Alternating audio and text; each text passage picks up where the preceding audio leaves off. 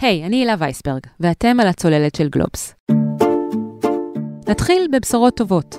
לפי התחזיות האופטימיות, עד הקיץ 80% מהמבוגרים בישראל, כלומר בני 16 ומעלה, יהיו מחוסנים. 80%.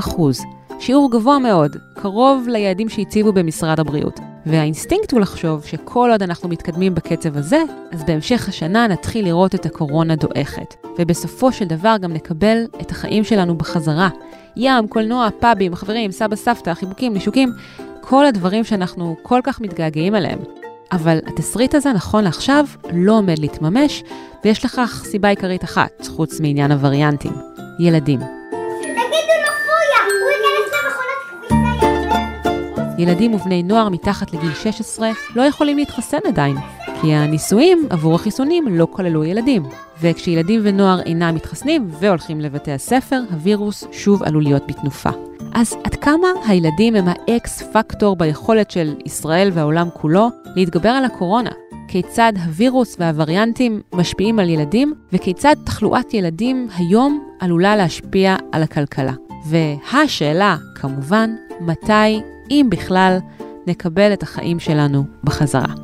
כדי לקבל תשובות לכל השאלות הבוערות האלה, נדבר היום עם כתבת הביומד ומדעי החיים של גלובס, גלי ויינרב. היי hey, גלי. היי. טוב, בואי נתחיל עם המספרים ומה שידוע על תחלואת ילדים ונוער. כמה ילדים בישראל כיום חולים בקורונה, באילו גילאים, וכיצד המספר הזה שונה מבעבר?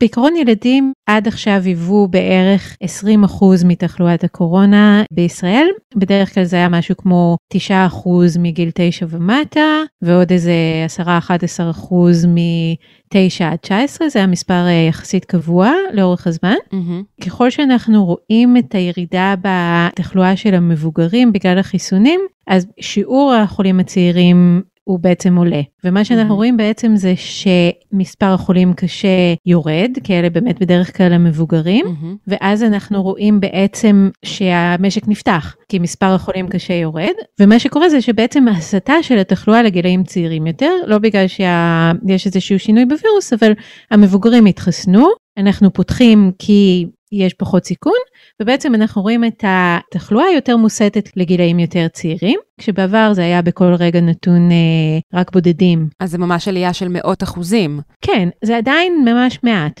בטח ממש מעט כן. מכמות המאומתים, כשצריך לקחת בחשבון שיש אולי עוד מאומתים שהם אה, לא סימפטומטיים ולא יודעים עליהם, אז עדיין הסיכוי של ילד שחלה להתאשפז הוא קטן, אבל אה, ככל שאנחנו פותחים ופותחים בגלל שהסיכון למבוגרים יורד, אז ככה באופן יחסי הסיכון לילדים עולה. אבל זה לא רק זה, גלי, לא? כלומר, גם הווריאנט הבריטי ידוע ככזה שמייצר מחלה יותר קשה גם בילדים. הווריאנט הבריטי מייצר בערך מחלה 30% יותר קשה בכולם, ואז גם ההשפעה mm-hmm. שלו על ילדים היא יותר גדולה, וגם mm-hmm. הסיכון להידבק הוא יותר גדול, אז כשמתחילים לחשוב על אה, גנים ובתי ספר, אז שם פתאום mm-hmm. יכולות להיות uh, התפרצויות בעוצמה uh, שלא הכרנו קודם. זאת אומרת, אם אותו ילד עם אותו עומס של וירוס היה נכנס לגן בעבר ומדביק אולי שני ילדים, אז עכשיו הוא יכול להדביק אולי חמישה-שישה ילדים.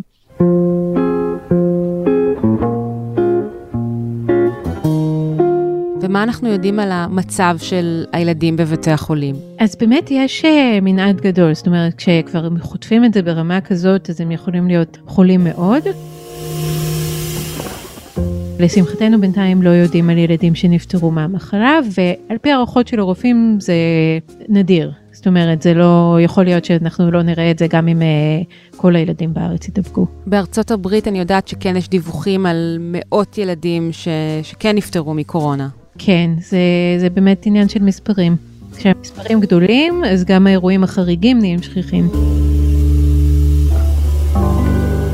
ומה אנחנו יודעים בכלל על פוטנציאל ההדבקה בקורונה של ילדים בהתאם לגילאים השונים, והאם גם כאן יש שינוי בגלל הווריאנט הבריטי? בעיקרון, הווירוס עדיין פחות מדבק מילד לילד ממשהו ממבוגר למבוגר, אבל כיוון שאנחנו מתחילים עכשיו לחסן מבוגרים, המקום שבו אנחנו כן נמשיך לראות את ההתפשטות של התחלואה זה הילדים. אנחנו צריכים לזכור שכמו שאמרנו קודם, שהם גם אה, לא מחוסנים וגם מתקהלים מעצם אה, טיבם. זאת אומרת, הם גם אה, נמצאים במסגרות צפופות, הם גם קשה להם לשמור ריחוק, הם גם לא אוהבים לשמור ריחוק, מה שאנחנו חושבים שיקרה זה שבעצם מבוגר חולה יכול להדביק ילד ואז יש התלקחות בבית ספר או בגן שחוזרת חזרה אחורה למבוגרים אבל שם יחסית די נעצרת במידה וזו mm-hmm. אוכלוסייה של מבוגרים שיחסית התחסנו ואז יכולות להיות כל פעם התפרצויות כאלה וכל פעם שתהיה התפרצות כזאת יצטרכו לסגור גנים ובתי ספר. השכונה שלי עוברת התפרצות כזאת ברגעים אלה ממש. ואת מאמינה שזו התפרצות אחרונה, או שנראה עוד גל של התפרצויות, כי בעצם הקורונה, מה, תהפוך להיות מחלה של ילדים? אני לא חושבת שהיא תהפוך להיות מחלה של ילדים, כי עדיין יש גם סיכון אפילו למחוסנים. זאת אומרת, גם אה, אם תלכי לתל מונד, שיש שם מעל 90 אחוז אה, התחסנות בקרב כל האוכלוסייה של בני ה-16 ומעלה, mm-hmm. אז עדיין אנשים שם יכולים אה, להידבק, אפילו אם הם מחוסנים במנה שנייה. אז אנחנו נראה את המחלה עדיין מתפשטת מהר בקרב ילדים, אבל התחלואה הקשה עדיין תהיה בקרב מבוגרים. גם אלה שלא התחסנו וגם אלה שהתחסנו ולא התמזלו.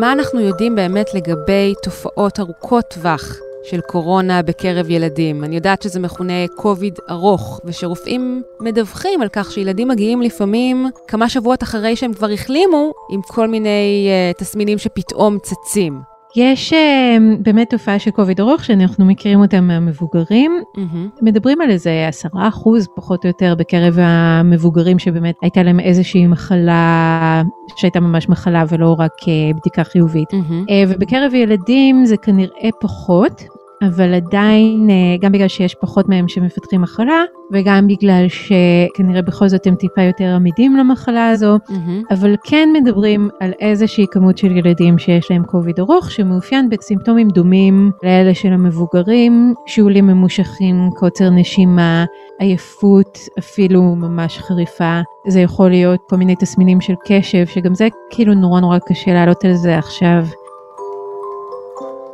אז אנחנו רואים את הדברים האלה במעט ילדים, אבל אנחנו רואים את זה, זאת אומרת שהאופציה להדביק את כל הילדים ומה שיהיה היא לא באמת אופציה. ובעצם כשאנחנו מדברות על ילדים ונוער, יש הבדל בין שתי הקבוצות הללו, לא? כלומר, מבחינת פוטנציאל ההידבקות והתחלואה, מי הם הרגישים יותר למחלה? נכון, אז באמת מגיל 11 ומעלה, בדרך כלל זה הנקודה שבה חותכים את זה, למרות שזה בטח mm-hmm. ברצף. זאת נחשבת מחלה שכבר מאוד דומה למחלה של המבוגרים, והסיכון באמת mm-hmm. של מישהו מאומת אה, להפוך להיות אה, חולה יותר קשה הוא די דומה לזה של המבוגרים. לילדים בני 10 ומטה המצב שלהם משמעותית יותר טוב, גם בסיכוי להידבק, גם בסיכוי להדביק. וגם בסיכוי לחלות קשה. יכול להיות שזה קצת שונה כשאנחנו מדברים כבר על תינוקות ממש קטנים. Uh, ברוב mm-hmm. המחלקות שבהם יש uh, מאושפזי קורונה במצב קשה, אז uh, חלקם תינוקות ממש קטנים, ויכול להיות שאצלם הסיפור מתהפך. זאת אומרת, אם uh, המצב של uh, ילד גן, ילד יסודי, הוא ממש ממש טוב לעומת נוער ומבוגרים, אז יכול להיות שאצל התינוקות uh, הם אולי בכל זאת חוזרים להיות טיפ-טיפה יותר בסיכון. וואו, אוקיי. זה מעניין ומעט uh, מלחיץ.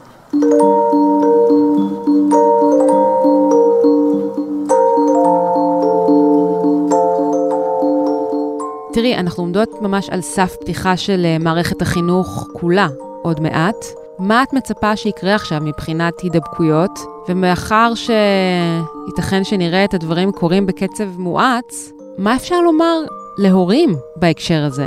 לשלוח, לא לשלוח, להיזהר. אז uh, זאת באמת שאלה נורא נורא נורא מורכבת, שכל אחד בעצם uh, נמצא פה מול איזה סט פרמטרים uh, שהוא מאוד ייחודי לו. כמובן שאחד הדברים שצריכים להשפיע על זה, זה מה המצב של הילד בבית. זאת אומרת, אם יש באמת ילד של כיתה ו', כיתה ז', כיתה ח', שיכול להסתדר בבית, אבל יכול להיות שהוא מאוד עצוב ומבואס ומיואש אחרי שכל כך הרבה זמן לא הייתה לו מסגרת. מעבר לזה יש אה, באמת את מצב התחלואה באותו רגע בשכונה.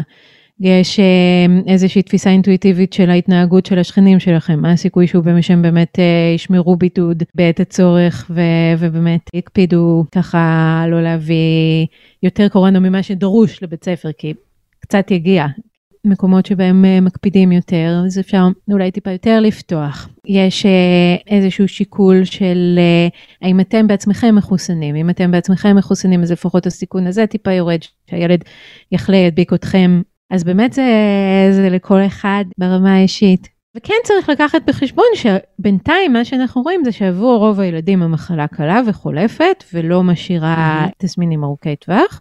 כאילו סטטיסטית יש פה סיכון, אבל הוא סיכון אה, יחסית לא מאוד מכליל לכל הילדים שידבקו. בואי נשמע את פרופסור סיגל סדצקי, עד לאחרונה ראש שירותי בריאות הציבור במשרד הבריאות, בעניין הצפי שלה להתפשטות הקורונה בילדים. הילדים הם חלק מאוד מאוד משמעותי בתוך כל הסיפור הזה. עד שלא נחסן את הילדים, שהם מהווים כמעט כשליש מאוכלוסיית מדינת ישראל, אנחנו לא נצליח להגיע לחיסוניות עדר בלי מגבלות. אנחנו נצליח לשלוט אה, במחלה יותר ויותר, אבל יישארו לנו מגבלות, וזאת עד אשר גם הילדים ייכללו בקרב המחוסנים. בהנחה שבאמת הקורונה תמשיך להתפשט ולהתקיים בעיקר בקרב ילדים, כי אנחנו מקוות שרוב המבוגרים יתחסנו, מה הצפי שלך? איך תיראה המחלה בעתיד והשגרה? מה יקרה כאן? יש המון המון המון אי ודאויות, גם מבחינת כל מיני וריאנטים חדשים שיגיעו, גם מבחינת ההתנהגות mm-hmm. של הציבור וכמה באמת יתחסנו. אבל אם אנחנו באמת מעריכים התחסנות יחסית גבוהה בקרב המבוגרים. למרבה הצער אנחנו עדיין לא מגיעים אה, לחיסוניות עדר, זאת אומרת כל עוד לא מחסנים את הילדים, אנחנו עדיין לא רואים את ה-R יורד רק בגלל שהמבוגרים מחוסנים. זאת אומרת מה שאנחנו נצטרך לראות ובאמת רואים לאחרונה זה שה-R יורד בגלל התחסנות ושמירה. זאת אומרת יש איזשהו ריחוק, יש איזושהי הקפדה עדיין, אנשים עדיין הולכים עם מסכות, המסחר לא נפתח. התרבות עדיין לא נפתחה לגמרי, אין התקהלויות מטורפות. כל עוד זה יהיה המצב, אז באמת אנחנו יכולים לראות את ה-R אה, נמוך, ואת התחלואה לאט לאט הולכת ויורדת, ואז גם הילדים לא בסכנה. זאת אומרת, במצב כזה יש אה, יותר ויותר שכונות וערים ירוקות, שאין ממי להידבק, והבתי ספר mm-hmm. נשארים בעצם ניקים, ואז אנחנו באמת לא, לא דואגים לילדים. אז מה קורה במקומות שבהם תהיה הרבה תחלואה? מה יקרה שם, וגם איך זה ישליך על שאר המדינה. מכיוון שאנחנו מדינה שמאוד קשה לחלק אותה לאזורים, כי אנחנו באמת מדינה קטנה וגם uh, צפופה, mm-hmm. זה אומר ש, שבעצם אנשים uh, שילכו לעבודה, שייסעו בתחבורה ציבורית, או שיעבדו, mm-hmm. כאילו ש, שייכנסו אנשים לעבוד בתוך uh, אזורים שבהם uh, בעיקרון כרגע הם ירוקים, כן תהיה השפעה של אחד על השני, זאת אומרת כן תהיה השפעה של uh, uh, תחלואה באזור אחד על אזור אחר. באזורים שבהם תגיע תחלואה ובאמת אה, ישר יזכרו את הבית ספר וכולם, אה, כל המבוגרים מחוסנים וזה, אז כנראה זה יבוא, יעלה וירד.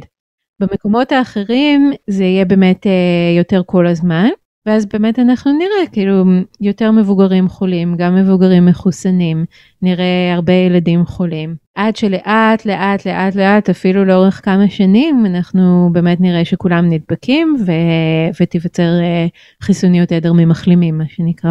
מה המצב של בעצם הניסויים כיום אה, בחיסון כנגד קורונה בילדים? זאת אומרת, בסופו של דבר אה, ירצו שגם ילדים יתחסנו. אז מה אנחנו יודעות על זה?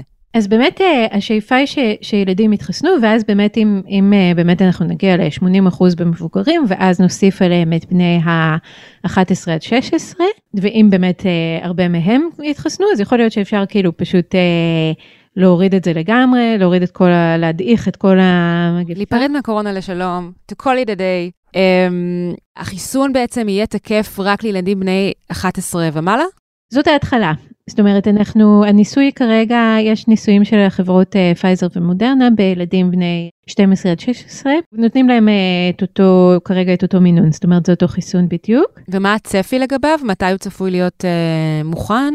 הניסויים האלה נערכים uh, עכשיו, והם אמורים mm-hmm. להסתיים לקראת הקיץ. אם נראה את התוצאות והן יהיו באמת uh, טובות, וגם מבחינת בטיחות לא יהיו הפתעות, וגם מבחינת יעילות זאת תהיה יעילות דומה, אז uh, כנראה שדי מהר אחרי זה אפשר יהיה כבר להתחיל לחסן, אנחנו כבר ראינו שזה הולך מהר כשאנחנו רוצים. אבל עדיין באמת נשאלת השאלה, אולי אפילו ביתר שאת מאשר המצב הנוכחי, אם תהיה היענות לחיסון הזה, כי מדובר בהורים שיצטרכו לחסן את ילדיהם, וכאן כבר שיקולים שנוגעים לחשש כלפי ילדיך, אולי אפילו יהיו חזקים יותר. יש היגיון בזה שאנשים יותר חוששים מתופעות טווח רחוק על אנשים שיש להם יותר טווח רחוק לחיות, וגם שהם עדיין נמצאים בשלב של התפתחות. Mm-hmm. כרגע אין סיבה לחשוב שיהיו השלכות טווח ארוך של החיסון, אבל כמובן המדע לא יודע הכל, כאילו אני מבינה לגמרי את החשש, ובאמת צריך יהיה לראות את, ה, את הניסויים שהסתיימו בקיץ, צריך יהיה לראות מה קרה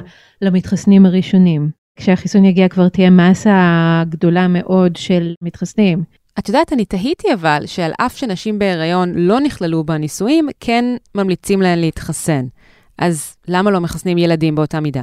תראי, זה הכל עניין של ניהול סיכון. זאת אומרת, mm-hmm. אני חושבת ש, שגם השאלה אם אנחנו נחסן ילדים תהיה תלויה עד כמה המחלה תהיה מפושטת כאן. אני חושבת שאם mm-hmm. רמות ההתחסנות של המבוגרים יהיו גבוהות, ואנשים עדיין ישמרו על איזשהו ריחוק, וה-R יהיה מאוד מאוד נמוך, והמגפה תדעך וכל הערים יהיו ירוקות, בטח שלא יתחשק לאנשים לחסן ילדים. אבל אם המחלה מאוד מפושטת, וכל יומיים אתה בבידוד, ולא פותחים לך את הבתי ספר, ואתה חושש שלילדים שלך היה קורונה וקוביד ארוך, אז אולי החיסון פתאום נראה כמו הצהרה הקטנה יחסית. את באופן אישי, נראה לך שמרגע שיש חיסון שנחשב טוב ויעיל לילדים, את לוקחת את בנותייך להתחסן. כן, אני חושבת שכן, שוב, בהתבסס על המידע שיהיה, ושוב, אם, אם כאילו כל העולם מתנקה מקורונה עד אז, אז לא, אבל... לא סביר שזה יקרה עד הקיץ. כן, כן, כי, כי בכל זאת זה סיכון אלטרנטיבי. שאלת נשים בהריון, וזאת הסיבה שכל כך מהר המליצו להם להתחסן. בגלל שנראה שהסיכון האלטרנטיבי שלהם מאוד גבוה. זאת אומרת, יש נכון. הרבה נשים uh, בהיריון במגזרים שהם אדומים, והסיכון שלהם הוא כנראה יותר גבוה. יש כבר נשים בהיריון uh, במצבים מאוד קשים בבתי החולים.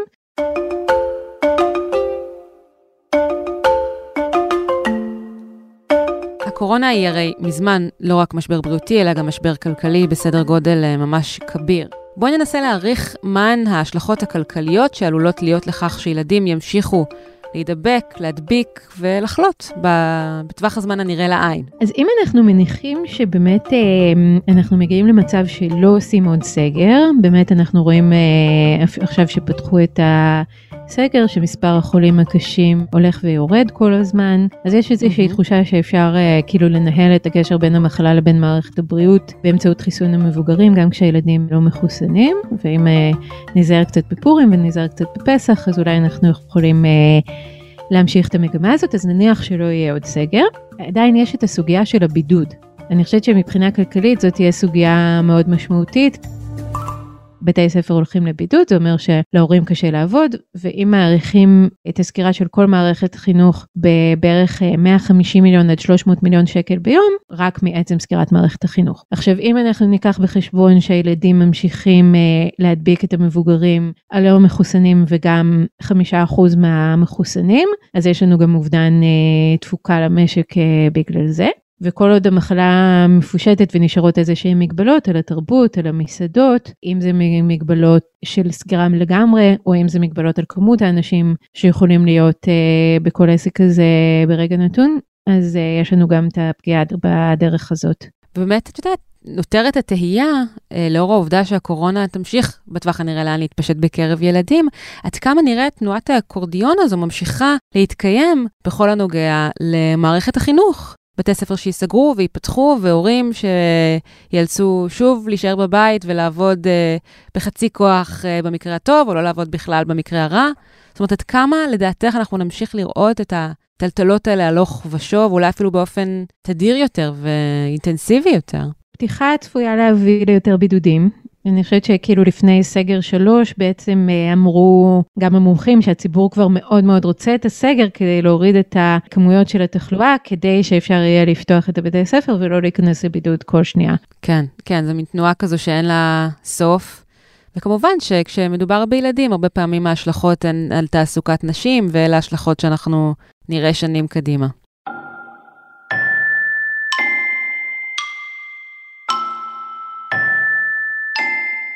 בואי ננסה לשרטט תסריט אופטימי, תסריט ריאלי ותסריט פסימי להמשך ההתמודדות שלנו עם הקורונה בשנה הקרובה, ובמה כל אחד מהתסריטים האלה תלוי בעצם.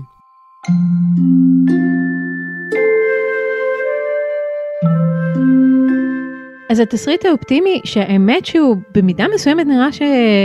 שיש בו משהו, זה שהחיסונים מאוד יועילו במניעת הדבקה, ואז אנחנו נגלה שאנחנו צריכים הרבה פחות להתאמץ במגבלות כדי uh, להוריד את התחלואה. ואז אנחנו נראה בעצם את, ה, את התחלואה יורדת יחסית בפחות מאמץ מצידנו, ולאט לאט באמת המגפה תדעך ברוב האזורים, חוץ מבאזורים מסוימים שהם כיסי אי התחסנות, ובמקומות אחרים אנחנו נראה התפרצויות מעת לעת, זה התרחיש האופטימי. וכש, ואנחנו מדברות בעצם על uh, חזרה הדרגתית לשגרה החל ממתי? החל מהקיץ? בתרחיש האופטימי גם יהיה חיסון מדהים לילדים, והילדים יתחסנו. במקרה כזה, כאילו באמת אה, קיץ, סתיו 2021, כבר נהיה חיים פחות או יותר נורמליים, אולי כן עם מסכות, אולי בלי הופעות אה, צפופות. כאילו איזה משהו שמזכיר את החיים הקודמים. לפי התרחיש הזה ניפגש בקיץ בבמה של ההופעות. יום עצמאות 2022 נראה לי. טוב. להופעה של ממש. רשמתי ביומן. ראו עצמכם מוזמנים. אוקיי, בואי נמשיך לתרחיש הריאלי. אז התרחיש הריאלי זה בעצם שיהיה אותו דבר רק בקצב יותר גבוה, זאת אומרת יותר בידודים, יותר התפרצויות, יותר תחלואה, וזה ינבע או מזה שהחיסון הוא פחות uh, עוצר הדבקה ממה שאידיאלית mm-hmm. היינו חושבים שהוא יכול, עם איזה שהם וריאנטים שהם טיפה חומקים מחיסון, או מפחיתים טיפה mm-hmm. את היעילות של החיסון, עם יותר לא מחוסנים אולי ממה שאני לוקחת בחשבון. ואז באמת אנחנו mm-hmm. נראה הרבה התפרצויות, הרבה בידודים, הרבה תחלואה, עלייה חוזרת במספר החולים הקשים, שבזמן האחרון נמצאת בירידה. ואז אנחנו עלולים אולי להגיע אפילו לעוד סגר באיזשהו טווח של עוד כמה חודשים. וואו, כולם מדברים על זה שזה היה הסגר האחרון, אבל uh, יכול להיות שלא.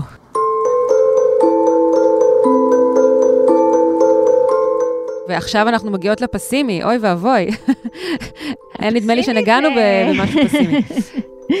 הפסימי זה אם יהיה וריאנטים באמת חדשים שחומקים מחיסון והם ישתלטו, ואז אה, בעצם זה יוריד משמעותית את האפקטיביות של החיסון.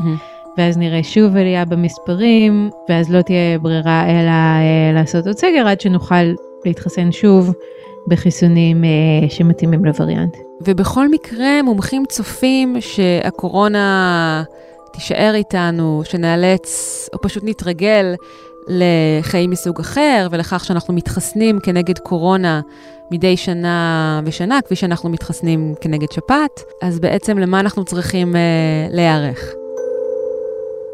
זה לא חייב להיות כל שנה. זאת אומרת, יש איזשהו, mm-hmm. איזושהי הערכה שבאיזשהו שלב יבוא וריאנט שחומק מהחיסון ויצטרכו לעשות לו חיסון חדש. נראה כרגע שאנחנו יודעים איך לעשות להם חיסון, כאילו פחות חוששים שיהיה וריאנט שאי אפשר יהיה לחסן נגדו. הכל תלוי בנו. גם אם מישהו בחר לא להתחסן, הוא עדיין יכול להיבדק באופן תדיר, הוא עדיין יכול לשים על עצמו אה, מסכות מאוד מגינות, הוא עדיין יכול להימנע ממפגשים, הוא עדיין יכול אה, לתרום את חלקו למאמץ. וגם מי שהתחסן, אם הוא אה, עכשיו הולך ונפגש כל יום עם 50 אנשים ומנשק ומחבק אותם, הוא פוגע במאמץ. זאת אומרת, זה לא חד ערכית רק. להתחסן. אם אנחנו מתחסנים וממשיכים להישמר, אז אנחנו משפיעים כאילו על הכל. אנחנו משפיעים. על ה... גם על התחלואה של הילדים, אנחנו משפיעים גם על המספרים של החולים הקשים, אנחנו משפיעים על הסיכון שלנו להיכנס לסגר, וגם אנחנו משפיעים על הסיכון שלנו לפתח עוד מוטציות שאחרי זה יחמירו את הבעיה ויקשו עלינו להתמודד בכל הפרמטרים האלה. אבל איך נראה בעינייך הנורמלי החדש? אני חושבת ש, שמה שאנחנו רואים עכשיו זה די דומה לנורמלי החדש. זאת אומרת, עכשיו עושים mm. איזשהו ניסוי, שיש סיכוי שהוא יצליח ויש סיכוי שהוא לא יצליח, אבל mm. uh, הוא יכול להיות איזשהו רמז לסטטוס קוו שאנחנו uh, עשויים לפגוש. זאת אומרת, uh, פתיחה של המסחר, אה, למחוסנים מחלימים ונגיד בהמשך גם למי שיעשו בדיקה.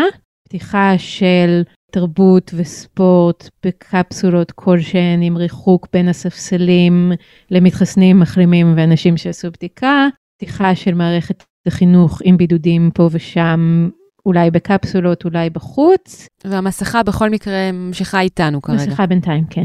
כן. טוב, אפשר uh, לכל הפחות להשיג את המסכה האופנתית ביותר שאתם יכולים uh, למצוא כרגע, שתרגישו איזושהי חגיגיות. מה צבע המסכה החביב עלייך? סגול. יפה, נשמע טוב. גלי, תודה רבה, שנמשיך להיפגש בפרקים uh, יחסית משמחים, כמו הפרק הזה, ואופטימיים. תודה.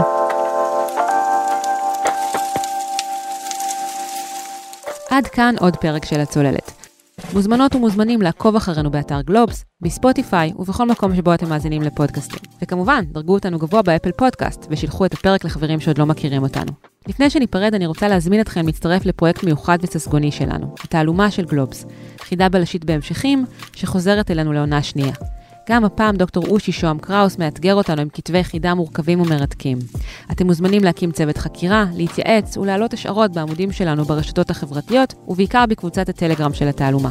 את הפרק ערך רון טוביה. בצוות הצוללת חברים גם אורי פסובסקי ושלומית רביד. אני הילה וייסברג, ניפגש בפעם הבאה. תהיו בריאים ונקווה לימים אופטימיים וטובים.